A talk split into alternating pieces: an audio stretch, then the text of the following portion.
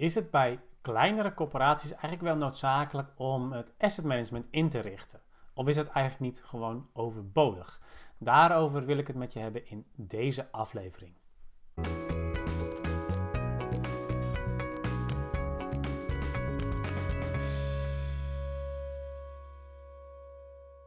Ik hoor het regelmatig zeggen van uh, mensen die bij kleinere corporaties werken. Hè, zo van, nou, bij ons is het eigenlijk niet nodig om dat asset management echt op een professionele manier in te richten. Want, zo hoor ik dan, wij weten eigenlijk alles wel over hun voorraad. Hè, dus dan is dat, uh, om dat allemaal ook nog eens een keer op papier vast te leggen, is eigenlijk overbodig. Alleen, de vraag is natuurlijk van, klopt dat dan ook? Hè? Uh, weet je echt alles over je voorraad? En ik heb bij een aantal kleinere corporaties asset management geïmplementeerd, hè, dus echt professioneel opgezet. En dan kom je er toch achter dat dat toch vaak wat genuanceerder ligt dan wat je op het eerste gezicht zou denken. kijk, het punt is dat heel veel medewerkers binnen die kleine corporaties, heel veel van die medewerkers denken inderdaad dat zij wel weten hoe het met de voorraad in elkaar zit. Alleen het probleem is wel dat ze het samen niet altijd eens zijn dus ik sprak hier ook een, uh, directeur-bestuurder daarover. Die uh, werkte al 50 jaar, nee, ik moet, ik moet zeggen al 30 jaar bij, 50 zou het overdreven zijn. Die werkte al 30 jaar bij diezelfde kleine corporatie. En ze hadden ongeveer nou, iets meer dan 2000 woningen. En hij zei na afloop ook tegen mij van ja, ik dacht inderdaad dat ik alles wist.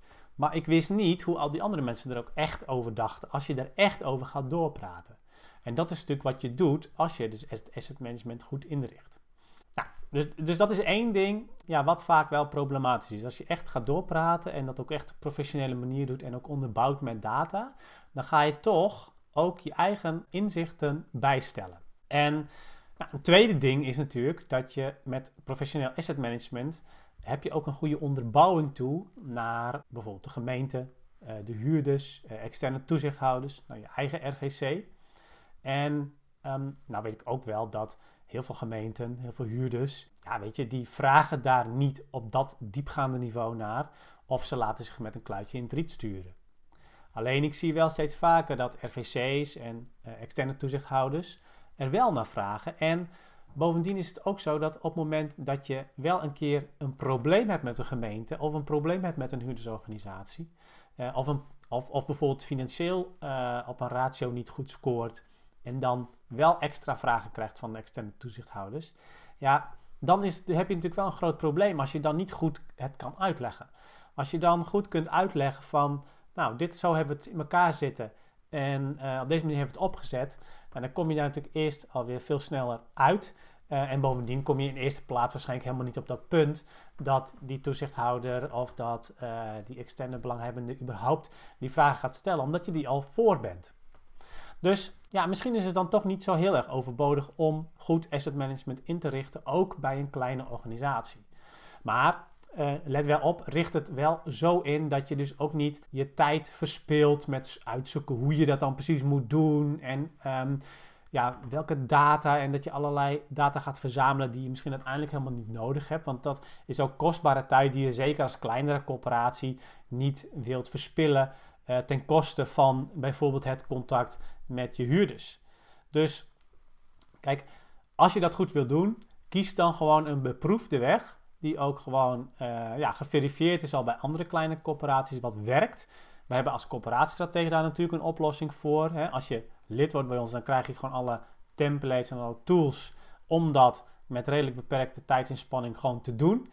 Um, als je daar geen gebruik wilt maken, kijk dan alsjeblieft ook bij andere kleine corporaties hoe zij het hebben gedaan. En leer daarvan en ga niet zelf het wiel uitvinden. Dus zorg er ook als kleine corporatie wel degelijk voor dat je het asset management goed professioneel onderbouwd uh, inricht. Uh, maar doe het wel op een manier die ook bij je past.